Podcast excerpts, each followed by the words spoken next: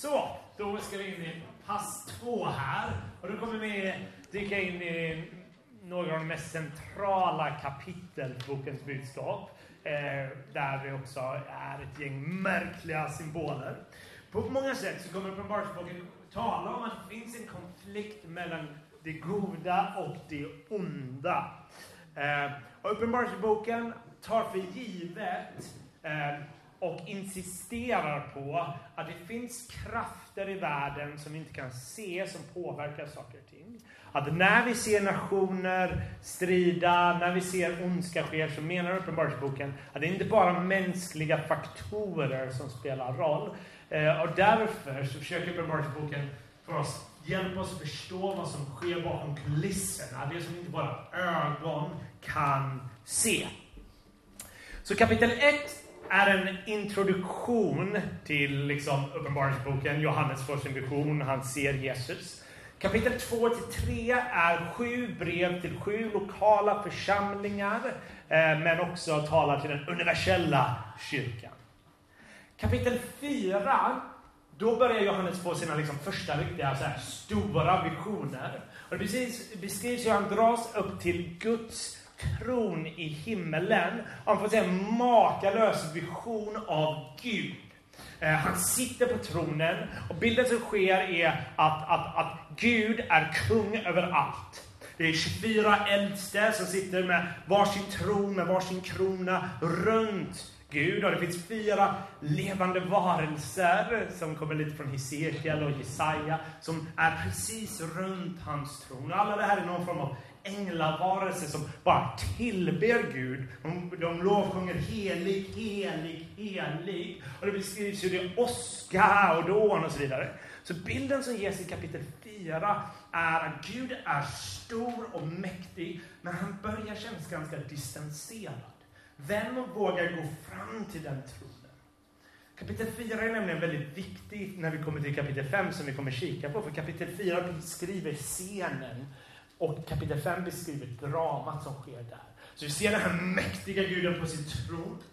Och det visar sig att han har en bokrulle som är förseglad med sju sigill. Um, och vi kommer läsa ur kapitel 5.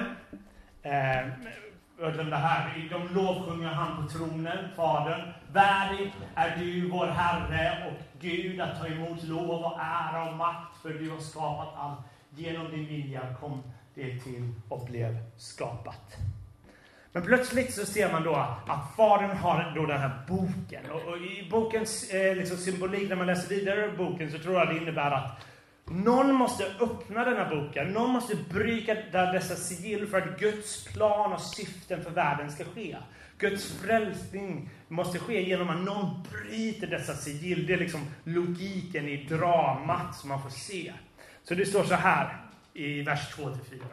Och jag såg en väldig ängel som ropade med en stark röst. Vem är värdig att öppna bokrullen och bryta dess sigill?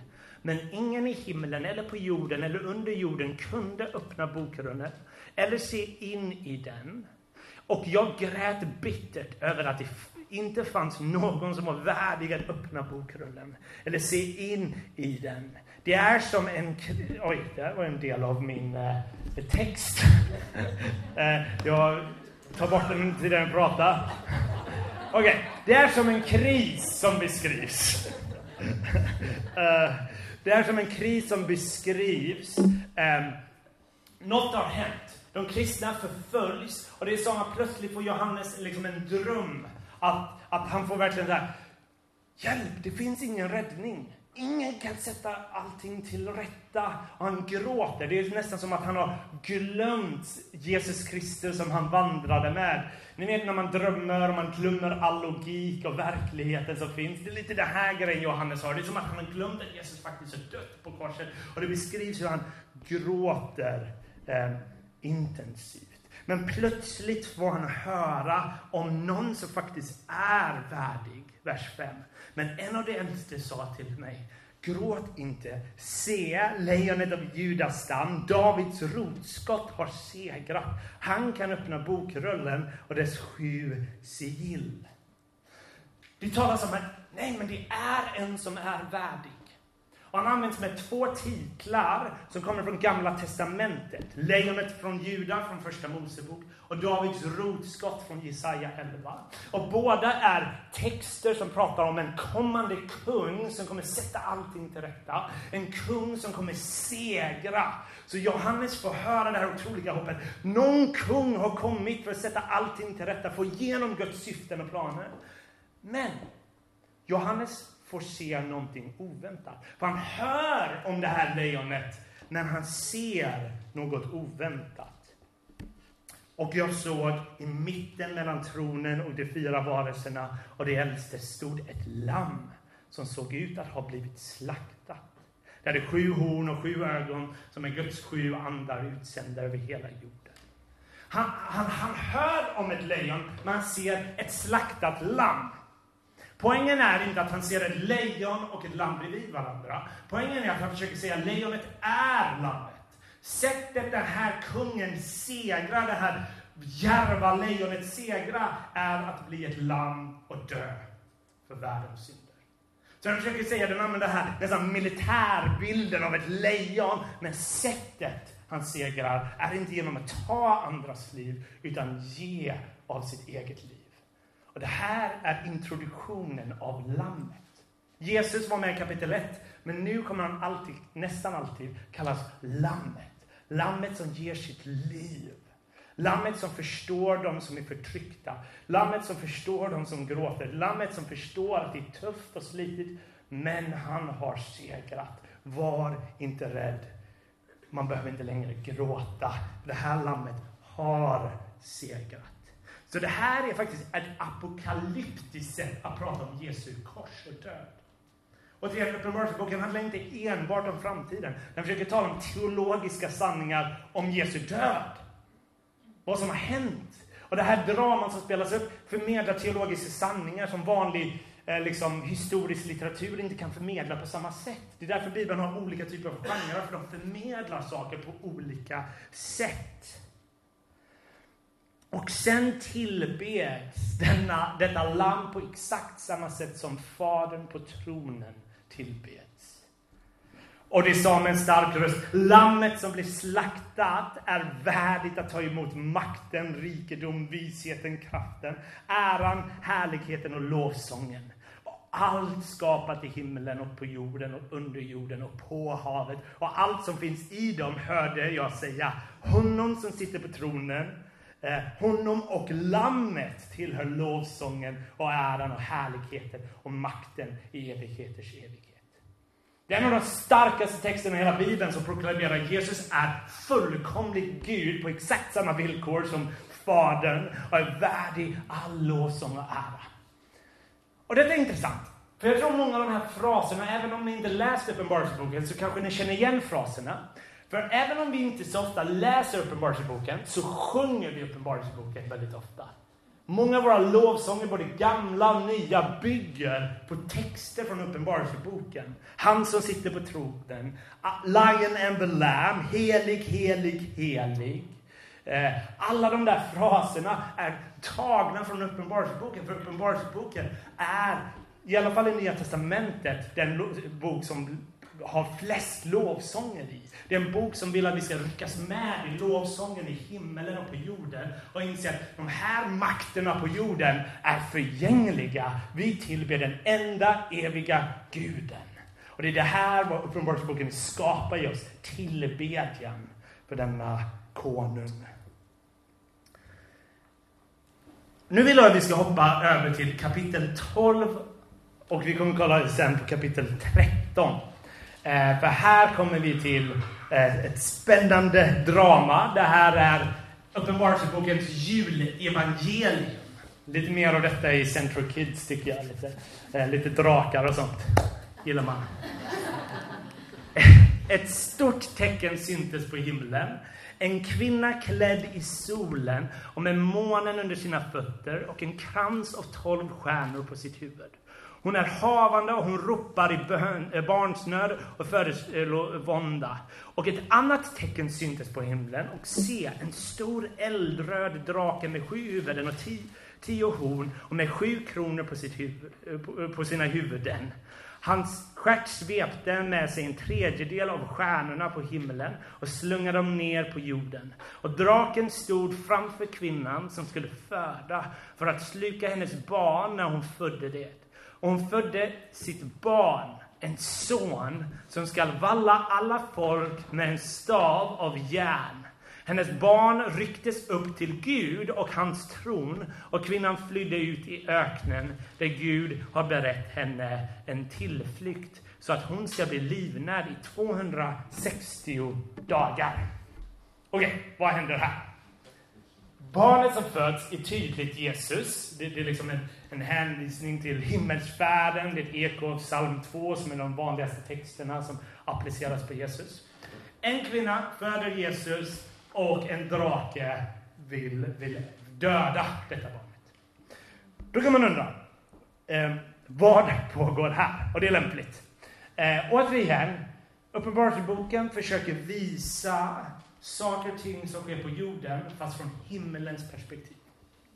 På många sätt är Uppenbarelseboken en kommentar till detta i Efesierbrevet. Ty det är inte mot varelser av kött och blod vi har att kämpa, utan mot härskarna, mot makterna, mot herrarna, över denna mörkrets värld, mot ondskans andekrafter i himlarymderna.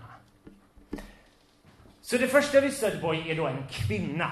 Och första anblick så kanske man tror att kvinnan är Maria, men det verkar vara inte bara en specifik individ, det verkar vara mer än Maria.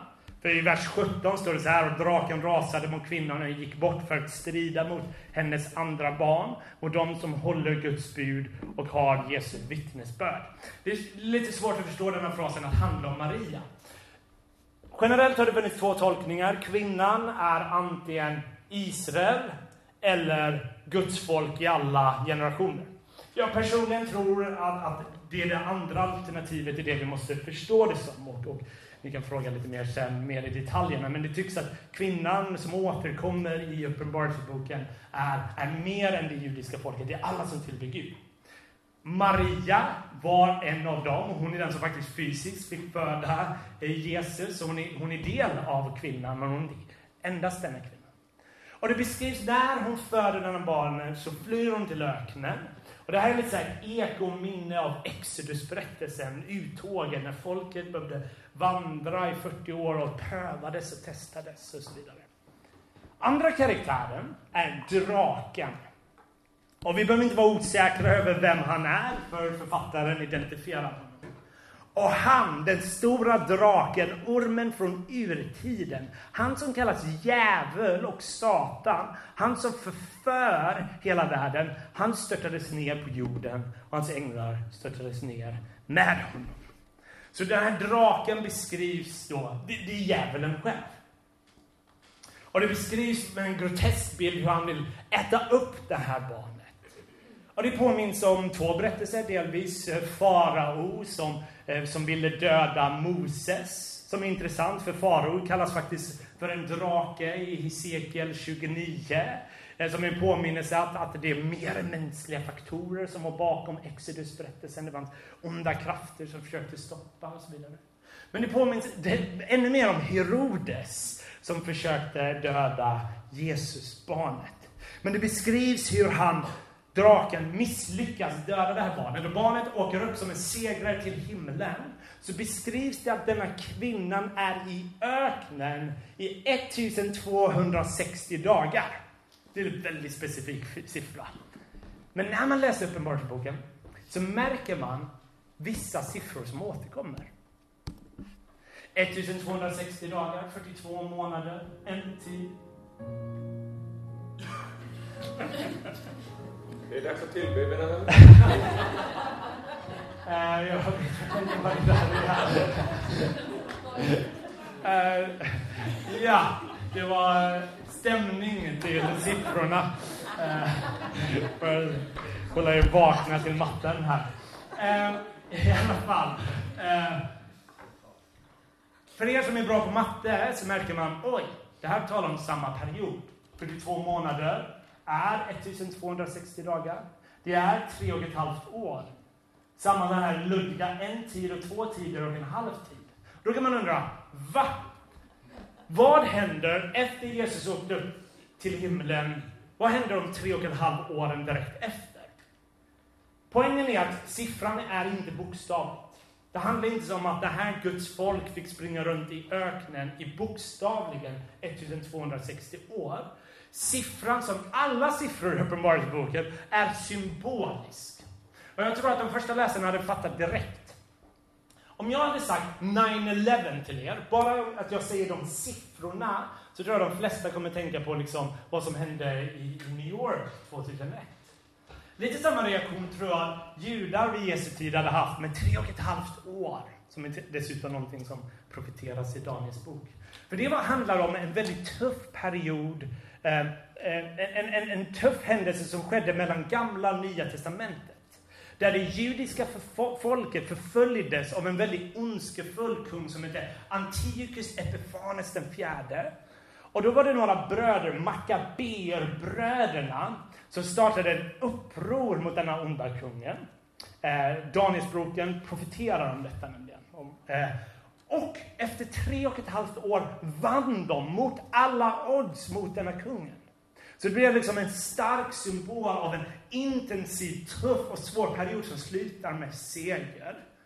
Och det är det jag tror Uppenbarelseboken försöker säga. Ja, men vi är i den här sista tiden, den här intensiva, tuffa perioden, men det slutar med seger. Lammet vinner. Det är en lämplig symbol för det judiska folket att beskriva den sista tiden. Men i Uppenbarelseboken 12 beskrivs det att genom Jesu död så har djävulen förlorat makt. Så det beskrivs hur han faller ner på jorden. Eh, och senare kommer en intressant fras i vers 12.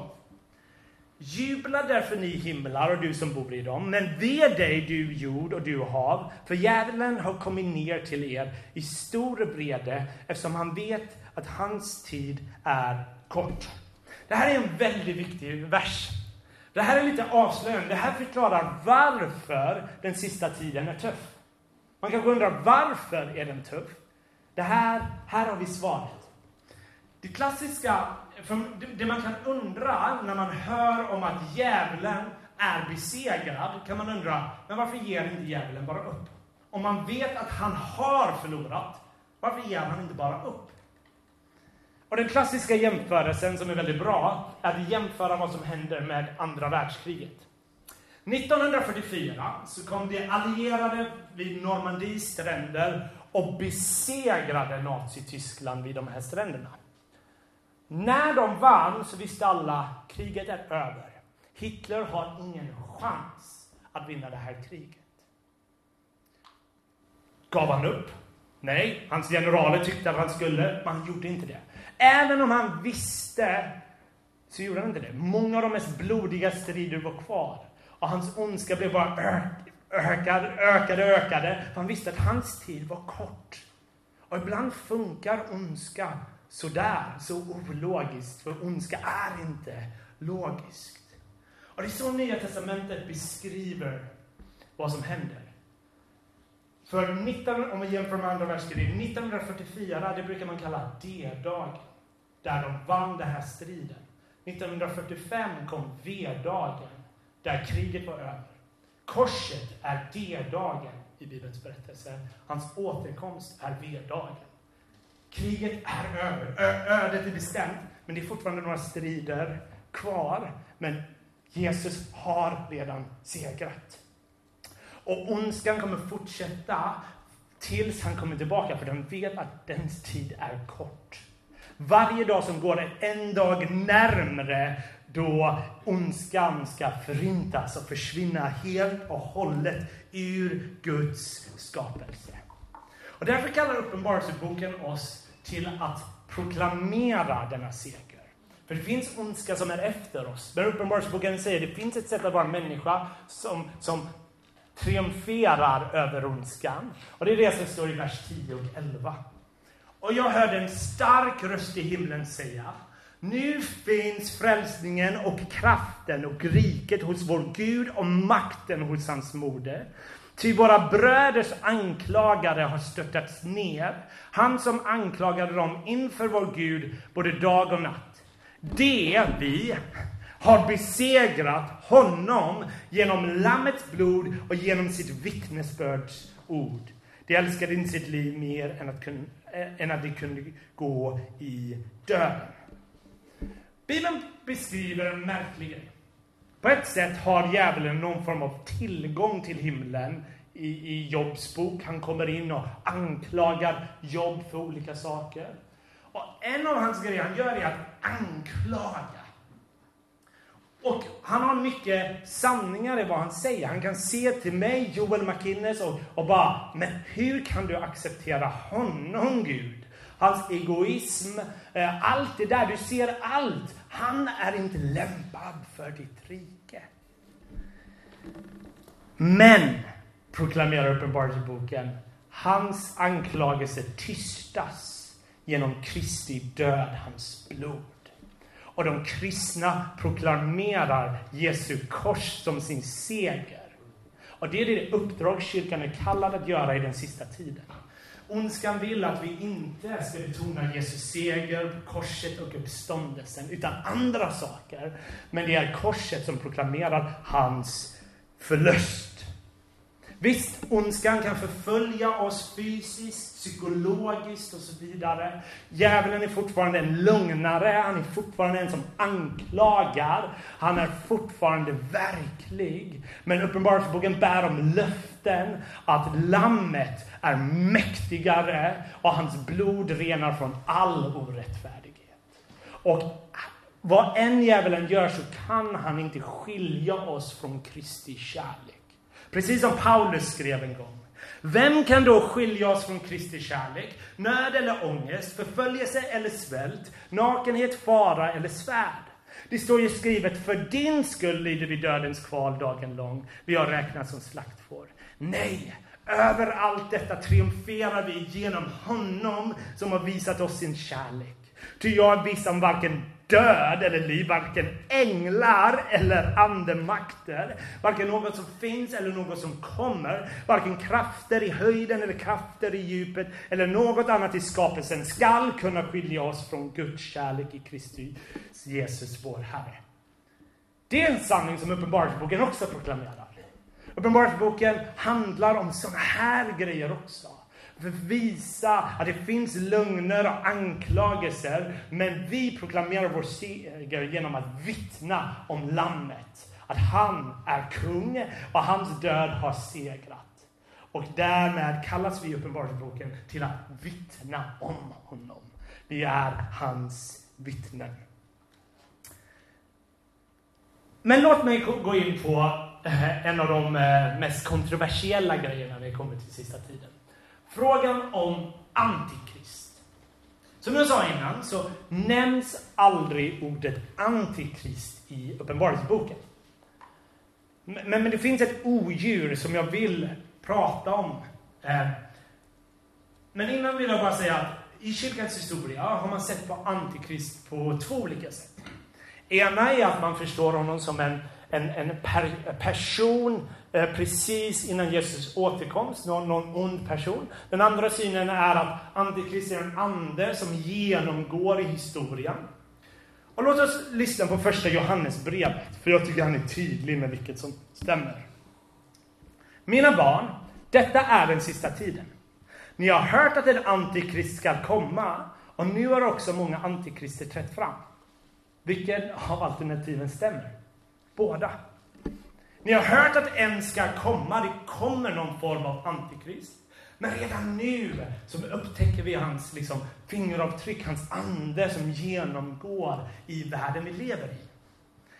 Min läsning av Uppenbarelseboken är att personen antikrist nämns inte, men dess ande beskrivs. Så jag vill att vi ska kolla här lite eh, på den här sista delen på Uppenbarelseboken kapitel 13 där vi stöter på ett odjur. Djävulen kallar ut ett odjur ur havet och en kommer från jorden. Det är nästan som en falsk treenighet. Eh, det ena odjuret som kommer från havet kommer alltid kallas odjuret i Uppenbarelseboken. Det andra kommer kallas falska profeten. Och det beskrivs så här. Och jag såg ett odjur stiga upp ur havet. Det hade tio horn och sju huvuden. Och på sina horn tio kronor och på sina huvuden hädiska namn. Odjuret jag såg liknade en leopard och dess fötter var som en björn så dess gap som gapet på ett lejon. Och draken gav det sin kraft och sin tron och stor makt. Ett av dess huvuden såg ut att ha fått ett dödligt hugg. Men det dödliga såret hade läkt. Hela jorden greps av beundran för odjuret och följde det. Och man tillbad draken att han hade gett odjuret makten. Och man tillbad odjuret och han sa, vem är som odjuret? Vem kan strida mot det? Som sagt, jag, jag, tror vi kommer se att det här odjuret kan inte förstås som en specifik person. Delvis beskrivs det att det här odjuret är aktivt under de här 42 månaderna som inte kan förstås bokstavligt utan verkar vara från Jesus, Jesus himmelsfärd till hans återkomst. Alltså det verkar vara någonting som inte bara är en specifik händelse i världshistorien. Men någonting man slås av när man läser Uppenbarelseboken är hur odjuret presenteras som motsatsen, en billig kopia ibland av lammet. Kolla här. Eh, lammet, eller det är tekniskt sett Gud som beskrivs som, men det är sant om lammet, som är, som var och som kommer. Odjuret är den som var och är och inte är, men skall komma. Lammet tar emot makt, odjuret tar emot makt och de lovsjungs både från folk från alla stammar och nationer och så.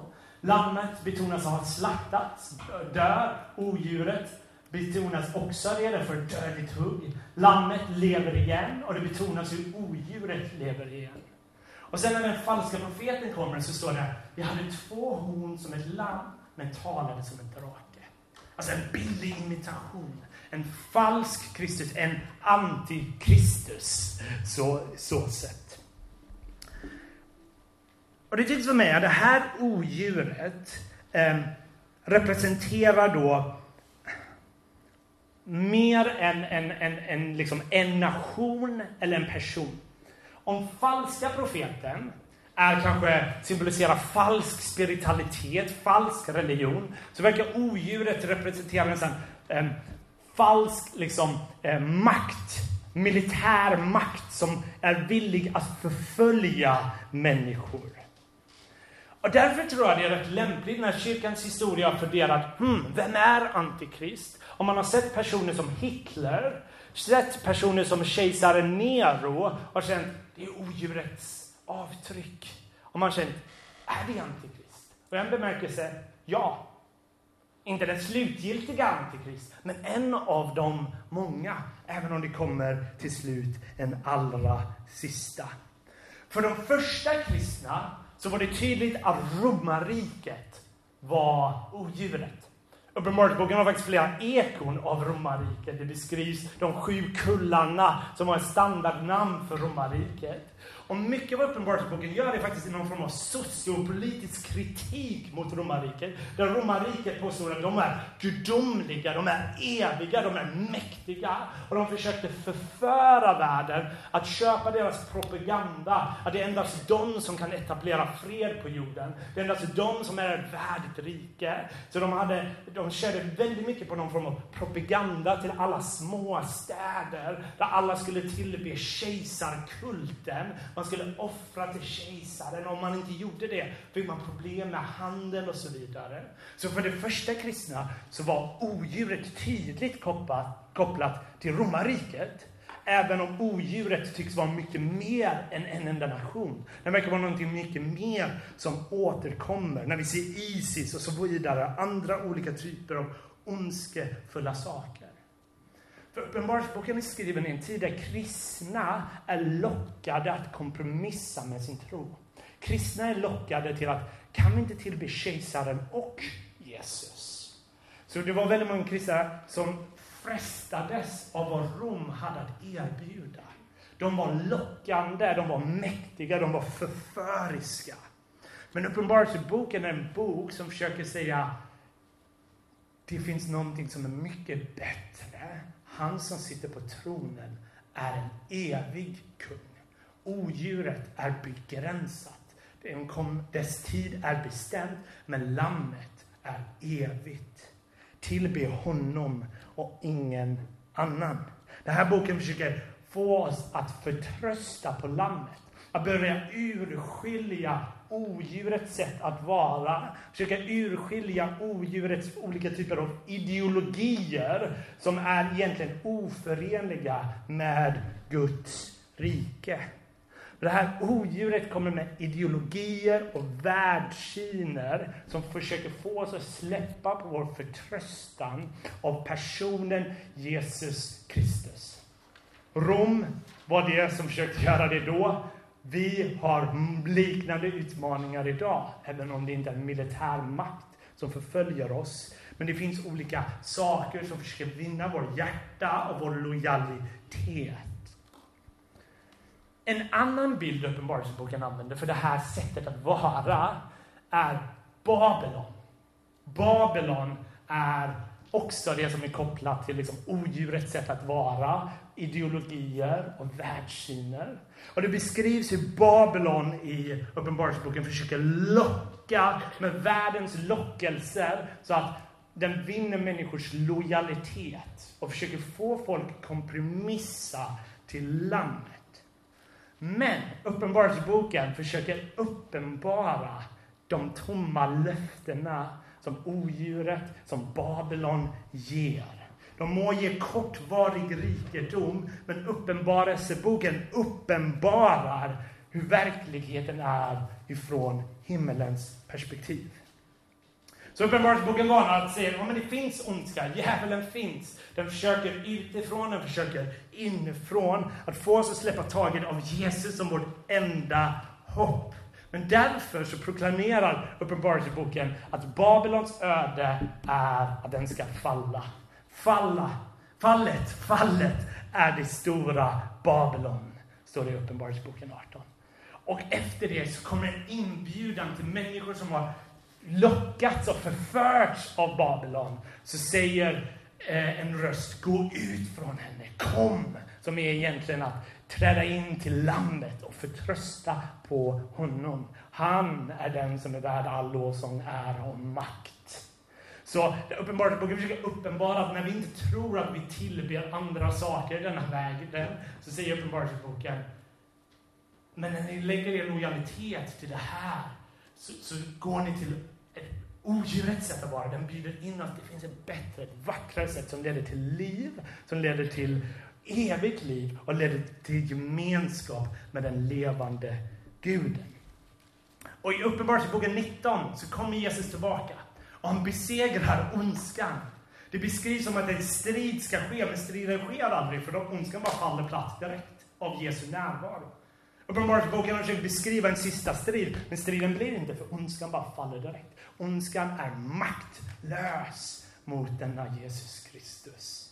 Så, så syftet med Uppenbarelseboken är då först och främst inte att ge en karta över framtiden, även om den har massa relevanta saker att säga, vad, det, vad liksom ondskan i världen är, vad som sker i den sista tiden. Men Uppenbarelseboken försöker få oss framför allt att ändra vår uppfattning och inställning nu, där vi inser men lammet är den som är värd all lov, ära och pris. Inget annat är värt detta, att tillbe att trots oroliga omständigheter så sitter Gud på tronen. Därför får man många visioner av Gud sitter på tronen och det finns ingen som kan konkurrera med denna kungen. Han sitter där stabilt.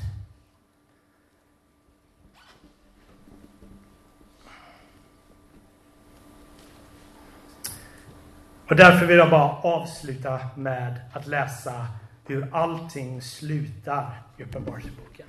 Uppenbarelseboken 21. Där Gud beskriver hur saker och ting kommer ske när han kommer tillbaka. Det är en av de vackraste texterna i Bibeln. Och jag såg en ny himmel och en ny jord. Ty den första himlen och den första jorden var borta och havet fanns inte mer. Och jag såg den heliga staden, det nya Jerusalem, komma ner ur himlen från Gud, redo som en brud som är smyckad för sin man. Och från tronen hörde jag en stark röst som sa Se Guds tält står eh, bland människorna och han ska bo ibland dem. Och det ska vara hans folk och Gud själv ska vara hos dem. Och han ska torka alla tårar från deras ögon. Döden ska inte finnas mer och ingen sorg och ingen klagan och ingen smärta ska finnas mer. Ty det som en gång var är borta. Och han som satt på tronen sa Se, jag gör allting nytt. Och han sa, skriv till dessa ord är trovärdiga sanna. Och han sa till mig, det, det har skett. Jag är alfa och omega, början och slutet. Jag ska låta den som törstar dricka fritt ur källan med livets vatten. Uppenbarelseboken slutar med full, total tillträde till den levande guden. Och det beskrivs otroligt intimt. Om en vän gråter så tenderar jag inte ta min tumme och torka bort. Det hade varit lite konstigt. Jag ger kanske en servettpapper. Liksom så här. Men den intimitet som det beskrivs när det kommer med Gud är hur han själv torkar bort tårarna. Och hela, hela Uppenbarelseboken har Gud sänt änglar göra det där och det där, olika saker. Men när det kommer till frälsningen beskrivs det hur Gud själv kommer och torkar bort tårarna. Ingen mer lidande, ingen mer synd, ingen mer död, ingen mer ondska, ingen mer kaos. Snarare som det står i Uppenbarelseboken 22, vi ska få se hans ansikte. Något som ingen har fått i hela Bibelns berättelse. Så beskrivs det, vi är välkomna dit. Så Uppenbarelseboken vill få oss att få hemsjuka för det kommande riket. Det är vårt sanna hem vi inväntar. Uppenbarelseboken säger, det här är vårt öde. Och det är vad vi är kallade till att längta efter. Mitt i oron och kaoset så bekänner vi Jesus är mitt ibland oss. Han sitter på tronen. Han har segrat. Men han kommer tillbaka. Vår pappa är på väg. Vår broder är på väg. Det är de goda nyheterna enligt Uppenbarelseboken. Gud är kung. Ingen kan konkurrera med honom. Och han har räddat oss. Låt oss be, sen ska vi ha en Q&A här. Herre, jag tackar dig. Du är god Gud, Herre. Eh, ah, man hittar inte på så här goda nyheter. Det är bara någonting som kan uppenbaras, Herre. Och vi tackar dig att du är Guden som älskar att uppenbara, älskar att visa dina barn, Herre. Herre, jag ber att vi ska gå hem och tillbe Lammet endast, Herre. Eh, herre, vi ber att du ska göra våra hjärtan mjuka för dig, Herre. Gör oss järva så vi kan vittna om dig, Herre. Ty du är världens hopp, du är det enda hoppet, Herre. Herre, vi ber att du just denna stunden klär av rädsla i människor, Herre. Och att de ska få höra att du säger, var inte rädd, jag är den första och den sista. Att du har segrat och du har nycklarna till dödsriket. Vi har inget att frukta. Vi tackar dig. Amen. Amen. Ber jag Jakob komma upp.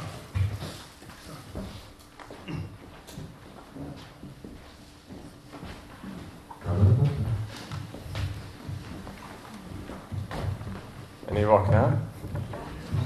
Härligt. Det finns nog lite mer kaffe om man vill fylla på sådär. Eh, så är det okej att bara ställa sig på och äta kaffe.